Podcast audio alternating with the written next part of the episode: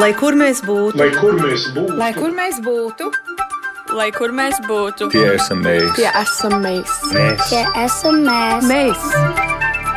Tas ir par mums! Tas ir par mums. tas ir par mums. Esiet sveicināti raidījuma globālais latvietis 21. gadsimts klausītāji. Šī ir pēdējā mūsu tikšanās reize.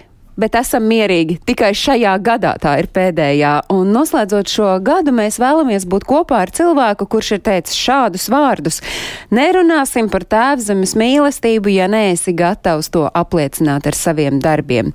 Un šādu stingru pārliecību pauž cilvēks, kurš lielāko savu mūža daļu pavadījis Amerikā un Kanādā, bet šobrīd dzīvo Latvijā un ir mūsu raidījuma ciemiņš. Mācītājs, laulību un atkarību terapeits, triju zvaigžņu ordeņa virsnieks Māris Čirsons ir mūsu šīs dienas ciemiņš. Labdien, Māri! Labdien! Un uh, prieks, ka ir izdevies izbrist sniegus no Tik traki jau pārdaugavas. nav. Te, te jau nav tā kā Kanādā. Kanādā ir vēl trakāk. O, jā. À, tas ir ļoti, tā ir ļoti laba ziņa visiem tiem, kas čīkst, ka mums ir pa daudz sniega, ka mēs nevaram. Dumības. Kāds jums, Mārija, ir bijis šis gads un kādām sajūtām jūs aizlaidīsiet vēsturē 2021. gadu? Nu, šis gads jau ir tāds, ka man ir tā lieta iegājusies. Es, es zinu, kur es strādāju, es zinu to baznīcu, kur es apkalpoju. Um, es zinu, ka sestdienas rītā es braucu uz, uh, uz tirgu, uh, Torņkalnu stacijā un, uh, un tā tālāk. Tā tad vienkārši vairāk ir, ir normāli. Cik labi dzirdēt to, ka ir normāli. Jā, Jau kur ir jūsu baznīca? mērsragā. Un ko jūs no šī uh, gada ņemsit līdzi bez tā, ka viss ir normāli? Kādas varbūt ir tās atziņas, ko 2021. gads jums pašam ir iedevis un, un, un ko jūs varbūt gribat nodot arī klausītājiem? Nu, proti, ja tu nemet plinti krūmos, ja tu turpini uh, darīt, strādāt, tad uh, tas, ko tu dari, tas, ko tu strādā, tas jau, tas jau ieietās. Te, te, te vairs nav nekas neparasts, piemēram, ar, ar, ar akronas klientiem. Es atceros gadus atpakaļ tas, ka kāds nāca ārstēties sakarā ar savu alkoholismu vai narkomāniju. Tas jau bija ļoti neparasti. Tagad vairs tas nav neparasti. Tagad jau tie cilvēki zina, ka tā lieta strādā, un tā tad viņš nāk un to dara sevis dēļ. Piesakot raidījumu, es saku, jūs esat mācītājs laulību un atkarību terapeits. Kura no šīm jūsu darbības jomām jums šobrīd ir visaktuālākā un kā vispār tāda jūsu ikdiena aizrit šeit Latvijā, ja mēs eh, varbūt to braukšanu uz tirgu noliekam nost, nu tas varbūt nē. Es nedomāju, ka viena no tām trijām ir aktuālāka. Ir, kā tās citas, es esmu iesaistīts visās trijās. Es domāju, es visas trīs tīri labi daru. Mm, cilvēki ir atsaucīgi. Tie, kur ir izgājuši tajā lietai cauri, stāsta saviem draugiem, kuriem tā problēma ir. Un, un tie nāk, jo viņi dzirdējuši, ka tā lieta strādā. Nu, šis laiks, ja mēs runājam par atkarībām, nu, tāds ir diezgan veicinošs, tās, tāds labvēlīgs atkarību ienākšanai ikdienā. Nu, jums, kā atkarības speciālistam, kurš pats ļoti labi zina, ka tā tomēr ir slimība, viltīga, mulsinoša un varena, Tieši tā. Ir savs redzējums, vai tiešām ir tā, ka šis ir tas laiks, kad, kad šīs atkarības un, principā, šī slimība ir, viņa, tā ir vieglāk ienākt mūsu ikdienā? jo ir taču Ziemassvētku partijas, ir darbā vai, vai, vai, vai, vai kaut kur. Ā, par ballītēm jūs runājat. Jā, jā. jā. Uh, un uh, nu, tiem, kam tā lieta nav problemātiska, nu labi, viņš tur aiziet, viņš tur mm, parunājās, iedzer kaut ko, uh, brauc mājā. Uh, tam, kam tā lieta jau ir problemātiska, viņš jau ir sācis tajā ballītē dzert, un viņš jau mājā braucot apstājās, ierauj kādu, paņem kādu. Bet es šeit par to laiku domājot, varbūt nedomāju tik ļoti tieši šobrīd to Ziemassvētku laiku, bet vispār tie pēdējie divi gadi, kas ir pandēmijas laiks, vai tas nav bijis arī tāds, tāda labvēlīga augsne šim? Nu, tā ir labvēlīga augsme, proti, ka te ir ko cilvēks dara sevis dēļ. Tātad es arī šodien nedzeru šnabi sevis dēļ, un tāpat ar to pandēmiju uh, es, es ievēroju to, to, ko man ieteica uh, par, par higiēnu un, un tā tālāk, un es to daru sevis dēļ, jo es sevi pietiekoši augstu vērtēju. Te ir jāpiebilst, jūs esat tas cilvēks, kurš ir Minnesotas programmu atvedis uz Jā. Latviju, un tā ir tā iespēja Jā. cilvēkiem atbrīvoties no alkohola atkarības. Tas gadījumā kādam, kurš nulikā ir pieslēdzies vai nu Latvijas radio vai tām vietnēm, kur var šo raidījumu skatīties tiešraidē, piemēram, radio YouTube kontam vai Latvijas radio mājaslapai, nevar saprast, kāpēc mēs uzreiz par atkarībām esam aizrunājušies, jo tagad taču tas Ziemassvētku laiks. Jā. Bet tas, ko es eh, teicu raidījuma sākumā, lielu daļu nodzīvojis esat eh, Amerikā un Kanādā savas dzīves, bet dzimis Latvijā. Kāds ir tas jūsu dzimtas stāsts, jūsu dzīves stāsts, kas ir saistīts ar nonākšanu trimdā? Nu, nonākšana trimdā mans tēvs bija mācītājs, uh, mana māte bija kautsmendietas skolotāja aizsargos, un uh, bija jau paredzēts, ka mūs eh, aizvedīs ar to, ar to pirmo reizi. Bet tad bija tā, ka mans tēvs bija nokristījis viena komunistu bērnu. Un tad vienā naktī zvana telefons mācītāja mājā, un viņš pēc balss pazīst, ka tas ir tas, tas bērnu tēvs un tas saka, bēgiet no savām mājām laukā, ja, jo jums brauc pakaļ. Un tas ir, ko tad arī mēs esam izdarījuši. Un tā jau, kad krievi nāca atpakaļ, tā jau bija skaidrs, ka tos, kurus pirmā gājienā neaizveda, tad tos at, otrā gājienā aizvedīs. Un tad mēs ar zirgu braucām uz Liepāju un ar ar kuģi uz Vāciju. Nu, tad diezgan likumsakarīgi, kā liela daļa Amerikas un Kanādas latviešu jūs no Vācijas nonācāt tur. Kādu jūs atceraties to savu dzīvi, nonākot Amerikā, Kanādā? Kāda bija tā, kāds ir tas trimdas laiks jūsu atmiņās? Nu, manā atmiņā mēs jau nonācām Oklahomā, un tur bija kauboji, un tā tā, un tas man ļoti patika. Ja? Un tad mēs nonācām Mississippi, tur atkal latviešu plūca kokvilnu. Ja? Tur arī es piedzīvoju uh, segregāciju, kad, kad Melnie uh, ne, nebija īsti cilvēki un, un tā tālāk. Um, un tad uh, ņemot vērā, ka tās darba iespējas Mississippi bija tikai plūku kokvilna, tā jau, kad latvieši bija to, to laiku nostrādājuši, ko bija jāstrādā, tad pārcēlās uz Čikāgu. Ja? Uh, un uh, tur atkal bija, bija pavisam cita lieta. Tur bija latviešu skola, latviešu biedrība, uh, tautas deju grupa. Tā. Kādu jūs to laiku atceraties pats? Nu, tad, kad jūs nonācāt jau Čikāgā pēc tiem kauboju gadiem? nu, man bija interesanti tas, ka uh, tajā vidusskolā, kurai, kurā es gāju, tur bija diezgan liels latviešu pulciņš, bet tur tajā laikā izmeklēja, tur bija 5000 bērnu tajā vidusskolā. Un no tās klases, kurā es biju, kur iestājās, izmeklēja 30 gabalus, kuriem bija tāda speciālā programma, ka šitos 30 dzīs vairāk kā tos citus. Viņiem jau vidusskolā mācīs koledžas līmenī un tā tālāk. Jūs nokļuvāt ar tiem 30? Jā, jā. Un tā tad ar to mans laiks, domājot par, par, par dzelzmas tautas deju grupu vai, vai kaut ko tam līdzīgu, bija ļoti, ļoti ierobežots, jo man vienkārši nebija, nebija laika. Tam. Nu, Protams, sanāk, ka pateicoties tai vidusskolas pamatīgajai slodzei, jums sanāca, nu, skolas pamatīgajai slodzei, jums sanāca, ka attālināties no tās latviskās vidas, jā, vai, jā. un vai tas kaut kādas sekas atstāja pēc tam? Nē, mēs, gā, mēs gājām uz baznīcu un, uh, un, un uz tādiem lielākiem latviešu sarīkojumiem. Uh, un uh, visi mūsu draugi bija latvieši. Ja, mana tēva amatbrāļa un, un tā tālāk. So es, jau, es jau tomēr tos, to saikni, to latvietību nebija zaudējis, bet atkal to, to balēšanu un tā tālāk, nu, tam, tam nebija laika. Bet uh, jūs kļuvāt par mācītāju, tāpēc, ka jūsu tētis bija mācītājs, vai tur ir vēl kaut kādi oh, tie ieteikumi? Viņš, viņš bija pretī tam, ka es kļūstu par mācītāju. Viņš teica, ka es esmu par daudz gudrs, lai būtu mācītājs. Um, un tomēr?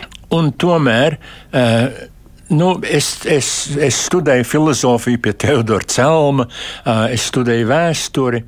Un tas man lis, viss likās diezgan garlaicīgs, kur teoloģija, tur bija kaut kāda spriedze, tur bija kaut kas dzīvāks. Un tā tad eh, es domāju, nu, ok, es, es studēju teoloģiju, un es jau varu turpināt to teoloģiju studēt pēc tam, kad es esmu ordinēts. Bet tad, kad es biju ordinēts, man iepatikās ļoti strādāt ar cilvēkiem, ar, ar dzīviem cilvēkiem. Um, Un tā tad es arī uh, paliku. Es biju mācītājs Čikāgā, un tad uh, Filadelfijā, un tad Otavā un tā. Nu, man liekas, ka latviešu trimdas sabiedrībai, baznīcai ir bijusi milzu loma oh, tais gados. Jā, jā, jo vienīgais, ko latvieši nedarīja angļu valodā, bija lūdz Dievu. Ja viņi to darīja, viņi to darīja latviešu. Viņš gāja uz veikalu angļu valodā, viņš mašīnu pirka angļu valodā, viņš strādāja angļu valodā, viņš gāja uz kino angļu valodā. Bet tas, kas bija ekskluzīvi, bija, bija latviešu, bija tāda jau lūkšana. Un ko tas nozīmē dzīvojot uh, sākotnēji Amerikā un pēc tam nonākot Kanādā un tad atkal Amerikā? Jā. Tas, ka jūs esat latvietis, ka jūs Jā. Dievu varat lūgt Jā. latviski. Tā, ko tas nozīmē, ir, ka tā valoda, kurā es runāju ar Dievu, tai valodai ir nozīme kāda nevienai citai valodai. Es esmu mācījies franču valodu, un vācu valodu, un grieķu valodu, un, un, un tā tālāk. Bet, ja es runāju ar Dievu, es to daru latviešu. Ja. Un vispār būt latvietim Kanādā un Amerikā tais laikos? Nu, tais laikos jau sākumā. Tā, tas, tas bija brīnums. Ja, prasīja, vai, vai mēs esam sniegu redzējuši, un, un, un tā tālāk.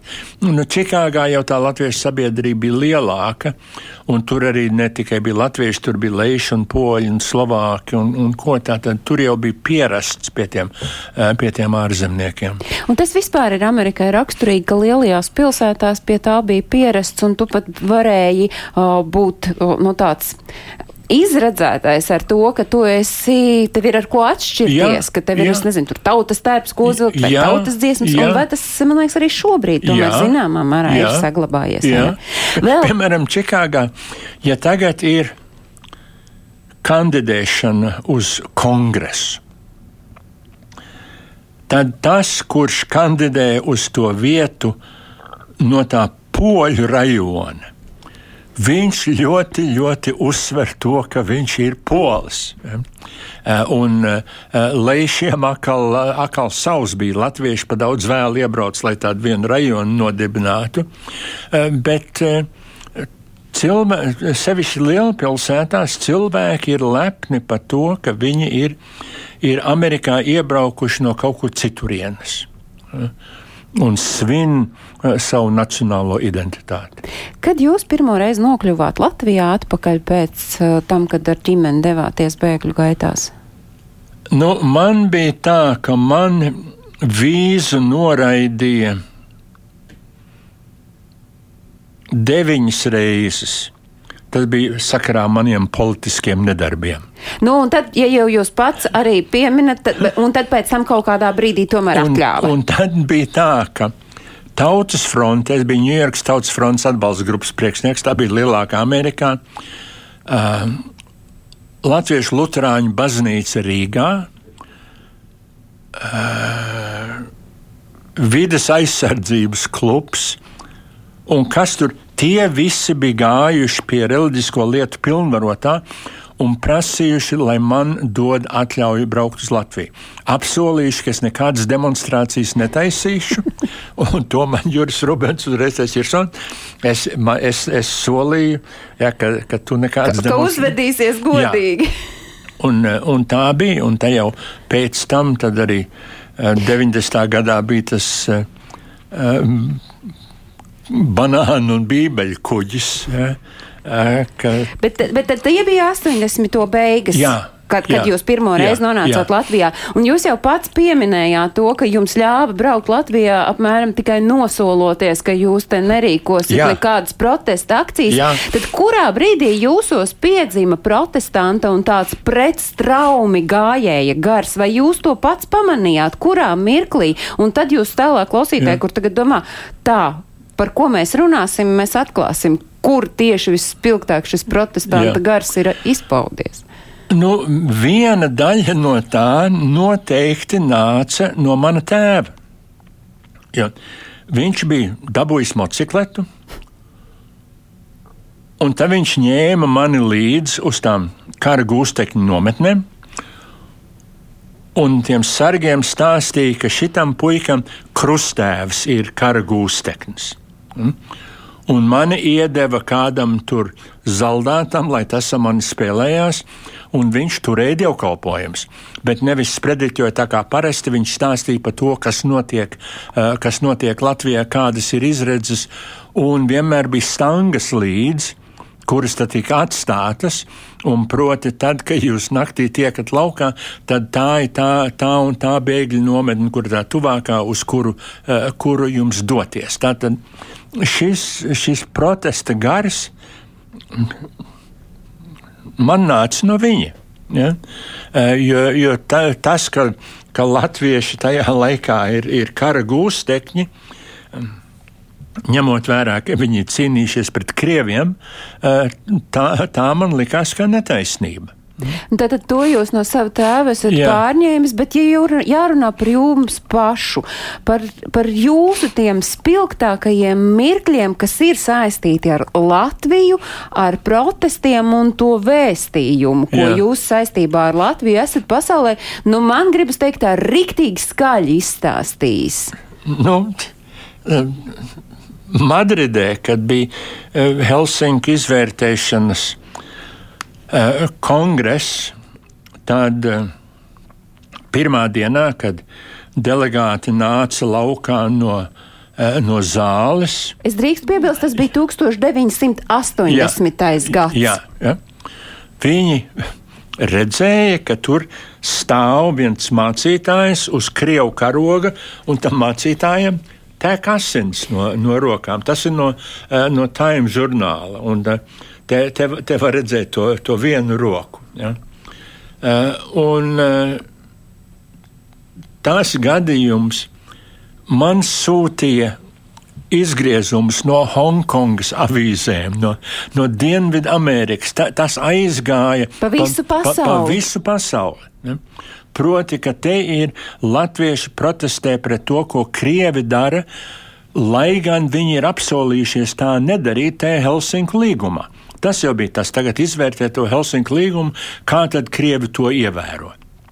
Un te tas mācītājs saka, bolšiet, viņi to neievēro. Kā jums ienāca prātā, ka tieši tā ir jādara? Kā jums ienāca prātā, ka jums ir jāstāv uz padomu savienības karoga, vai jūs tiešām bijāt sev iegriezis un. un... Man, mēs jau bijām doktoriem sarunājis, man jau bija tās adatas uh, jā, ieliktas un, un tā tālāk. Kā man tas ienāca prātā?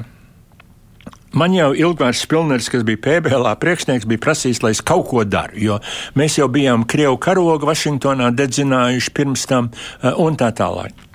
Un es tagad domāju, nu, nu kaut ko jādara. Un es vienu dienu avīzē lasu, ka divi, kato, divi brāļi, katoļu priesteri, esot aplējuši Amerikas kara klausības vienu no tām uh, oficēm ar, ar savām asinīm. Un tā ir, ka priesteri protestē pret kaut ko, kas ir netaisnība. Bet nākošā dienā uzreiz ziņās parādījās, ka tās nesot bijušas viņu asins, tās esot bijušas kaut kādas govs vai teļa asins vai kaut kas tam līdzīgs. Tā tad man paliek skaidrs, ka, ja, ja es to domāju darīt, tad tām ir jābūt manām asinīm. Es tajā svētdienā Filadelfijā pēc baznīcas doktoram Jānim Zvārgulim izstāstu to manu ideju. Viņš saka, nu labi, nākošais nedēļa pamēģināsim. Un pēc baznīcas aizgājām blakus mājā, kur es dzīvoju, noklāja avīzes uz grīdas virtuvē. Viņš tās, tā, tā, tās adatas ielika un tad izvilka tos, tos puļus laukā un tek. Un es zināju, ka tajā Madrides delegācijā būs dr. Linārds Luks un dr. Jānis Dimants. Jā, nu gadījumā kas? Jā. Ne? Un tā tad eh, Zvārguls man iedeva visu to ekipāžu un teica, lai es izskaidroju Dimantam un Luksam, un lai viņi tad apspriežās, kā, kā to darīt. Un viņi tur gari spēļiet, un tā tālāk, un tad izdomājām, ka um, tajā pirmā dienā, kad nāk laukā, te ir tas skats, ka tas, tas priesteris stāv uz tā krievu karoga, un viņam no rokām tek asins. Un tad arī bija, bija literatūra sagādāta, kāpēc es daru to. Jo krievi parakstījuši to Helsinku līgumu, viņu neievēro. Ja viņam, viņam rīkojās kontrā Latvijā. Un tas ir, ko tad es, es apliecinu. Nu, kā tas viss tur beidzās? Jūs kā policija savāca vai? Man, mani savāca policija, mani aizveda uz iecirkni. Es nemāku spāniski, viņi nemāku angliski drusku franciski, nu, un es stāstīju par pa Gēru Tulemondu, jā, Latvijā un, un Krievi un, un tā tālāk, un ka, ka, ka tas, tas, ko es darīju, nebija protests pret Spāniju. Tas viņiem bija ļoti svarīgs. Ja, man pat lika parakstīt papīru, ka tas nav bijis pret, pret Spāniju. Ja ka tas ir bijis pret Krieviju. Un man arī bija preses eh, papīra līdz tātad nākošā dienā. Es jau tur vazājos, eh, tikos ar reportieriem un, un stāstīju par to, ka Krievi pārkāp paši savu uh, līgumu. Un šeit mēs gan runājam par padomju savienību, Jā. bet uh, ir viens cilvēks, uh, kurš ir bijis aculiecinieks šiem notikumiem Madridē. Cilvēks, kurš arī ļoti labi zina un pazīst mūsu šodienas ciemiņu mācītāju Māri Čirsonu. Un šis cilvēks patiesībā visu laiku, es ļoti ceru, rūpīgi un uzmanīgi ir klausījies mūsu sarunu, un tā ir Anna Muhka kura ir uh, savulaik bijusi trimdes aktīviste, un šodien, Anna, jūs esat mūsu attālinātā viešņa. Uh, Vai tiesa, ka jūs to, ko Māris Nulikā par Madridi stāstīja, pati bijāt klāt, redzējāt un arī varat atklāt, kāda bija tā rezonance tam, tajā brīdī un pēc tam? Eh, es biju klāt, vispirms, labdien, labdien, klausītāji, labdien, Agnes Māri. Eh, prieks jūs redzēt. Es biju klāt un es Māri vēroju no konferenču centram blakus esošā futbola stadiona. Jo proti kādu apmēram 20 minūtes vai 30 minūtes pēc Māra, un kad Māris bija aizvests, mēs savukārt trijatā no Minsteres izkārām lielu plakātu ar uh, prasību brīvību Latvijai. Es vēl atceros, vēl šodien viņš, bija 19 reizes 3 metru liels, un tas bija sašūts uh, kādā no Madrides viesnīcām, mēs bijām atveduši automašīnās no Minsteras internāta skolas palagus līdz, jo braukt uz Spāniju, kas bija pāris gadus pēc Franko režīma krišana ar, ar, ar, ar kaut kādiem protestu plakātiem bagāžniekā, tad, nu, tas nebūtu bijis ļoti, ļoti prātīgi, tāpēc plakāts tapa, tapa pašā Madridē esot. Un, eh, jā, arī, arī mūsu, mēs tikam apcietināti, un es zinu, ka mēs jau no laikam pabijām maz bišķiņu ilgāk ilgāk eh, cietumā, jo vispirms jau mēs nebijām mācītāji kā mārs. Es domāju, ka ļoti katoļu valsts, tomēr Spānija, kad cieņa attiecīgi, kad cienīgi tēvs šādā veidā. Un mēs arī bijām, nu, mums bišķiņ jaunāki. Un es domāju, ka policijai arī mūsu gadījumā tas pats, ko Mārcis teica, ne, ne mēs prātām spāniski, ne, ne viņi prāta, eh, prāta angliski. Mums eh, gan bija uzrakstīts spāņu valodā zīmīts līdz kabatā, ka mēs esam tādi miermīlīgi demonstranti. Un, protams, arī, ko Mārcis minēja, tas, ka šie protesti bija vērsti pret Padomu Savienību un nevis ne par Spāniju nerunājot, bet kaut ko citu ļoti, es domāju, tomēr veicināja to, ka mēs tikam samērā eh, viegli cauri. Jo nebijām jau mēs vienīgie demonstranti latvieši. Bija, bija, zinu, bija budisti, man liekas, tie bija mūki, eh, bija studenti pēc mums, kurus mēs arī satikām eh, cietumā. Un, kā teiksim, nu, tie budisti mūki bija īsti. Tas bija, tas bija skaidrs, jo viņiem bija atņemts tāds, tāds, tāds aubas un, un viņiem skūtas galvas. Un, un vienkārši viņiem bija galvas kā ar tādām golfbumbiņām, ja tā drīkst izteikties. Tā. Un, Kā- eh, Anna, kāda bija tā rezonance pēc tam uh, visā pasaulē patiesībā par šo priestera izgājienu uzzināja? Nu, bet mēdī pārstāv jau lielā daudzumā bija Madridē, jo šī konference tomēr bija, bija ļoti starptautiski svarīga un būtiska. Un pat ja šie žurnālisti bija atbraukuši rakstīt par konferences, eh, tā sakot, eh, gaitu, tad šāda blakus programma taču ir ļoti interesanta. Un Mārs jau pats rādīja Times žurnāls. Domāju, Cik es saprotu, tā ir laikam viena no vien, vienīgā reize vai viena no retām reizēm, kad, kad latvietis un latviešu lieta ir bijusi, bijusi Time žurnālā, bet tā, tā rezonance jau bija, bija par, par, par visu pasauli. Tiešām es tajā laikā strādāju kā studenta ministrē. Pasaules Brīvo Latviešu apvienības informācijas birojā. Tur eh, tās vadītājs Julijas Kadels, kas vairākus mēnešus uzturējās Madridē pirms konferences, starp citu, kā varētu teikt, tāds lobbyists, jo tās delegācijas tur jau strādāja. Tā diena, kad bija Māris, kad mēs ar savu plakātu un arī citi, tā jau bija tā diena, kad jāliet ministri ieradās, tā skaitā Gromiko uh, Madridē. Un, eh, un, un, un, un mēs tiešām rūpējām uh, rakstus, uh, mēdī rakstus, kas arī tiks sūtīti uz PBLA informācijas biroju, un tad jau varēja redzēt, kuras pasaules valsts šo ie- ievērojuši, iegaumējuši un, un, un publicējuši. Anna, mazliet zinot to, ka jūs zināt Māri, es gribu, lai jūs noraksturojat, kādu jūs, Māri, Ķirsonu, zināt kā cilvēku, un pie vienas gribu, lai jūs tomēr vēl iemetat iekšā, nu kāpēc tieši viņš bija tas, kuram, nu, principā lūdza pievērst šajā Madrids konferences laikā pasaules uzmanību tam, kas notiek Latvijā? Man ir jāatzīstās, ka es Māri nemaz tik ļoti labi nepazīstu. Jo, jo tomēr eh, mūsu, manas gaitas bija Eiropā, viņa gaitas bija lielākoties Amerikas kontinentā. Protams, mēs esam satikušies ik pa brīdim. Eh, Bet, eh, ziniet, man drusku varbūt ir jāprecizē. Madridē bija sabraukuši ļoti daudz latviešu. Un Māra pirmā spilgtākā Bet tomēr es atgriežos pie mūsu plakāta, un, pie, un bija plānots ļoti daudz kas vairāk pēc tam. Visādi veidi e, ir demonstrācijas, ir, ir, ir pievērsta šai lietai uzmanību. Piemēram, ļoti, e, man liekas, tāda laba, forša doma bija jaunas, skaistas meitenes no Amerikas un Kanādas, kas bija ieradušās tautas tērpos un vienkārši gāja kā klausītājs plenārzālē. Un saprotiet, nu, droši vien jau tā konference visu laiku jau nu, nu, nu, nebija varbūt tāda ļoti saistoša. Un kas tās tādas ir? Kā viņas ir apģērbušās, ko viņas dara? Ja? Es zinu, kad, kad um, bija sadrukāts skrejlapas.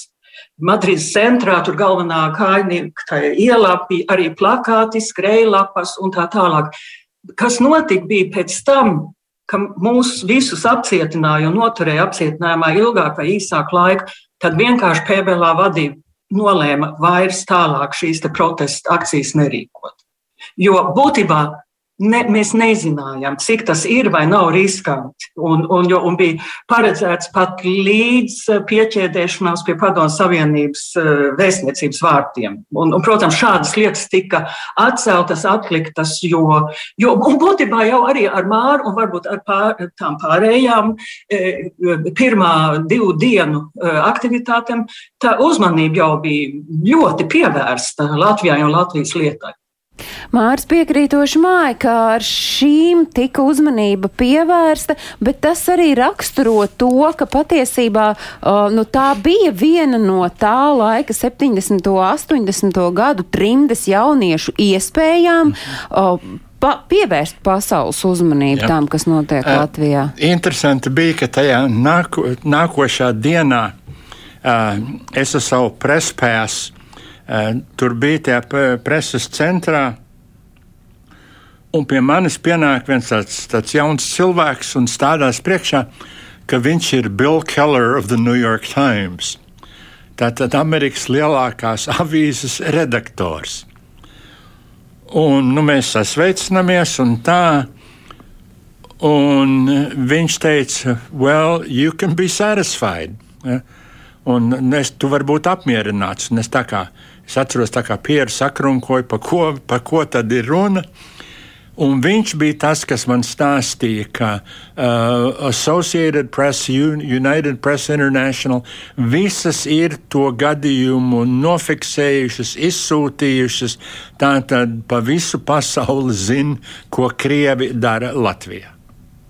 Bet eh, vispār jūs to darījāt, uh, lai par Latviju runātu, bet arī pārējie, kas piedalījās visdažādākajās Jā. demonstrācijās, jo skaidrs, Madride tas ir tikai tāds viens Jā. gadījums, šādu gadījumu bija daudz, Jā. un, un mēs uh, par to arī esam runājuši šajā redzījumā. Kāpēc to darīt rindas jaunieši, Anna? Nu, kāpēc to Nu, darīt? Bija, lai pievērstu uzmanību tam, kas notiek Latvijā. Un Anna papildina Māra teikto. Protams, protams, ka tā tas ir, bet nav nemaz tik ļoti vienkārši šo jautājumu atbildēt. Es domāju, ka maz bišķiņi arī bija, eh, te bija, nu, nozīme bija drusku adrenalīnā, un tagad es tiešām nerunāju tikai par Madrīti, ja, bet, nu, jo, jo demonstrācijas tiešām bijušas daudz un dažādas, un ir taču muzejs Latviešu pasaulē apkopojuši eh, tā grāmatu Ņetņietu Sovietu. Mm -hmm. nu, viņi taču ir, eh, šā, varētu teikt, bībeles biezumā, ja, un ar, ar bildēm un stāstiem un materiāliem un, un, un tā. Es domāju, adrenalīns, jā, es domāju, ka, nu, protams, ka visbiežāk tie bija jaunieši, jo tas bija tas veids, kā jauns cilvēks varbūt, nu, nebūs viņš konferencē lobbyists. Viņam jādara savu darbiņu. Ja? Un, un, un, bet, protams, ka galvenokārt tas bija pievērst uzmanību. Tas nebija demonstrē, demonstrācijas demonstrēšanas dēļ, bet gan tiešām, lai pievērstu uzmanību. Un, un tas ir izdevies visās pasaules malās, dažādos veidos. Ja, ja drīkst, ja laiks pieļauj, man liekas, ka viena teiksim, ļoti, ļoti spilgta demonstrācija Es nepateikšu gadu, bet es toreiz dzīvoju Zviedrijā, un, un es, biju, es kā bērns atceros, ka bija, bija Brežņevs valsts vizītē Stokholmā. Un um, Vija Freimana, kas toreiz bija uzvārdā Polis, viņa iegādājās sivēnu. Šo sivēnu sasmērēja ar eļļu, lai viņš ir tāds slidens ļoti. Un uzzīmēja, es ne, nevaru tagad tieši pateikt no tām bildēm, vai viņa uzrakstījusi Brežņevs cūka vai, vai nu, tam līdzīgi. Un viņi palaida šo sivēnu. Ka tieši tajā brīdī, kad Brežņevs piebrauc pie pilsētas, pie karaļa pilsētas lieliem vārtiem, vārtiem durvīm, izkāp, kur, protams, bija visi, visi visādi mēdī, varbūt ne tik plaši kā mūsdienās, bet uh, sapulcējušies. Un, eh, Tā demonstrācija, tā ziņā, šī cūka vienkārši bija tik ļoti izdevusies, jo policija nevarēja noķert viņu. Jo viņi bija tādu eļļu sasmērēti, pilnīgi slīdami. Viņi vienkārši slīdēja viņiem ārā no rokām. Un, un, un, un, protams, ka šis tik ļoti iegaumēts, es vēl tur kā demonstrācijā zin, zinām humoru. Protams, tā cūka beigās tika noķerta un aizvest uz kautuvi. Un tas interesantākais ir, kad viņai samaksāja naudu, gaļas vērtību. Jo beig beigās bija nokauta viņas, viņas sivens. Un interesantais, ka viņai ir tā vārdu spēle, kas sanāca viņai uzvārds polis. Un vārds polīs ir policists zviedru valodā. Tā tad viņa policiste bija tā, kas palaida šo cūku. Nu, un šādā veidā, e, es domāju, ir, mēs esam visādās interesantos veidos pievērsuši uzmanību Latvijas, Latvijas un Baltijas valsts liktenam. Mm -hmm. Un sakiet, Māri, ar šā brīža prātu jūs darītu vēlreiz to pašu, vēlreiz tāpat? Nu, ja, ja tie apstākļi ir uz mata tādi paši, nu tad jā, bet tie apstākļi jau mainās, un, un tas ir, ko ir jāizmanto. Piemēram, te, kur mēs sadedzinājām uh, Krievu karogu uh, Vašingtonā, tas bija sakarā ar Brūveru ģimeni. Tieši sakarā ar Brūveru ģimeni. Un tad mēs arī vienreiz uz Vašingtonu aizbraucām un, un intūristu nobloķējām, aizslēdzām ciet. Es neatceros sakarā, ko tas bija. Tā tad ir jāņem vērā to specifisko gadījumu, pa ko tad tu protestē. Bet par jums saka, ka jūs esat tāds cilvēks ar vērienu, arī ar originalitāti, arī ar dramatismu, un uh, tur nevar noliegt arī ar drosmi, un, un ka patiesībā iespējams jums pat sagādā gandarījumu izaicināt varu, varas institūcijas, un vai var teikt, ka arī reliģiskās institūcijas jūs esat izaicinājis? jā, diemžēl, jā. Manā gadījumā jau ir bijis tā, ka es esmu strīdējies ar uh, visiem arhibīskapiem, kādi ir bijuši, kamēr es esmu ordinēts ar, ārpus Latvijas un arī ar, ar Latvijas arhibīskapiem. Daži no tiem ir vēlāk pienākuši un atzinušies, ka man tomēr bija taisnība. Daži nu, klusē un, un, un cauri. Bet uh, vispār, nu, skatoties uz to baznīcas lomu, uz draugu lomu, uh, ja mēs runājam par trimdu, par to laiku, kad cilvēki nonāca tur, jūs jau pats arī teicāt, ka tā bija iespēja sa sarunāties latviski, mm. bet daudziem tā bija iespēja arī vispār nostāties Amerikā uz kājām un, un uzsākt uh, to savu dzīvi tur yeah. svešumā.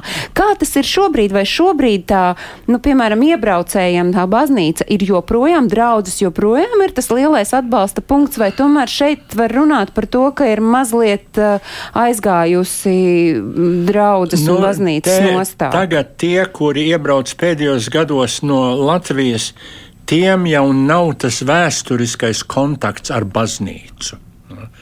Uh, un ir, ir tādi, kuri tagad ilgi dzīvojuši Čikāgā, kuri pārmet tiem, kuri tagad brauc laukā. Kāpēc jūs braucat no Latvijas laukā? Latvija tagad ir, ir, ir brīva. Ja? Eh, bet tas eh, ir Amerikas imigrantu vēsture, ka visas emigrantu grupas, vai zviedri, norvēģi, somi vai kas tur, kamēr viņu baznīcas bija stipras, viņu uh, tautas deju grupas bija, kreditbiedrības bija, uh, bija arī tās laicīgās instances. Un tad, kad sāka tās baznīcas izmirt, tad arī izmirta tā, tās citas instances. Ja? Un tāpat tā, tagad, šodien, uh, vēl joprojām tas, ko tas latvietis ekskluzīvi dara, dzīvodams Amerikā vai Kanādā, ir lūdz Dievu. Un tā valoda, kurā es ar savu dievu sarunājos, tai valodai ir nozīme, kur nevienai citai valodai nav. Bet jūs esat atgriezies Latvijā 2013. gadā. Kāpēc tieši tajā brīdī, jo gan jau ka iespējas bija vēl pirms tam? Nu, man bija tā, ka man bija diezgan daudz pienākumu, kur, kurus es biju uzņēmies, uh, un es negribēju tos pamest. Es gribēju to pabeigt, lai, uh, lai tad, kad tas, ko es esmu apņēmies darīt, to es esmu izdarījis, un nu, tad, uh, tad var braukt projām. Uh, zaudētā paradīze tāds uh, raidījuma nosaukums mums aizvadītā gada laikā ir bijis, un mēs esam runājuši par to, ka uh, Latviju atstājot, tu nonāc trimdā, un tu esi svešais, un tad atgriežoties patiesībā atgriezies paradīzē, ko esi zaudējis, un tā sajūta, ka atkal esi trimdā. Kā ir ar jums atgriežoties Latvijā? Jā. Uh, jo Nu, man jau ta, tas, ko es daru, eh, neviens cits to nemāca tik labi, kā es māku. Tā, tad, eh, tā, tā, vai tā ir alkohola, narkotika rehabilitācija vai, vai, vai draudzes, draudzes darbs vai ko. Bet eh, tā, tā cilvēku mentalitāte, kuru tev nākās ikdienā sastapt, un tas tas ir neizbēgami, ņemot vērā visus tos gadus, ko viņi dzīvoja. Eh, komunistu režīmā. Eh, nu, man, man vienkārši jāpieņem, ka tas tā ir, un, eh, un, un laba daļa no viņiem nomirs. Un, un kaut kad jau mēs gal galā visi nomirst. Tā, tā, Nu, šīs tas, nots- tas iz- Uz izbeigsies. šīs nots mēs varētu nebeigt raidījumu, ka, ka, ka mums visiem kaut kad būs lemts aiziet viņa saulē. Skatīsimies uz, ar skatu nākotnē. Anna, kas ir tas, ko jūs mācītājiem, laulību un atkarību speciālistam, terapeitam, ekspertam novēlat ā, 2022. gadā, vienlaikus atceroties, ka tas jau patiesībā ir droši vien vēlējums ikvienam no mums?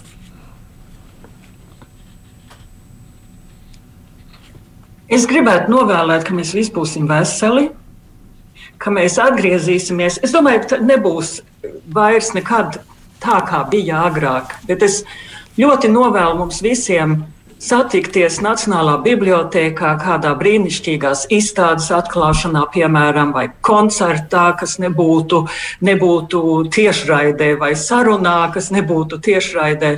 Es domāju, novēlot šo kopā būšanu labi, uzmanīgi, bet tomēr kopā, kopā būšana arī baznīcās. eh, To es mums visiem novēlu. Protams, Mārtiņ. Paldies, Anna, un es ceru, ka mēs uh, nākamgad satiekamies šeit studijā klātienē, nevis attālinātais Zoom lociņos, no kuriem arī mēs patiesībā nu pat jau esam noguruši. Māri, uh, šis patiesi mums Vai nav. drīkst vienu bildi Jā, parādīt? viena bilde. Okay. Alberts Legsdiņš, Čikāgas piecīšu dibinātājs un es. Mēs vienā vakarā saņēmām trīs zvaigžņu ordeņus. Eh, Un eh, piecīši ar to, ka viņi pa visu pasauli braukāja, lepojās par to, smējās par to, ka mēs esam latvieši, atkal darīja milzīgu labu darbu.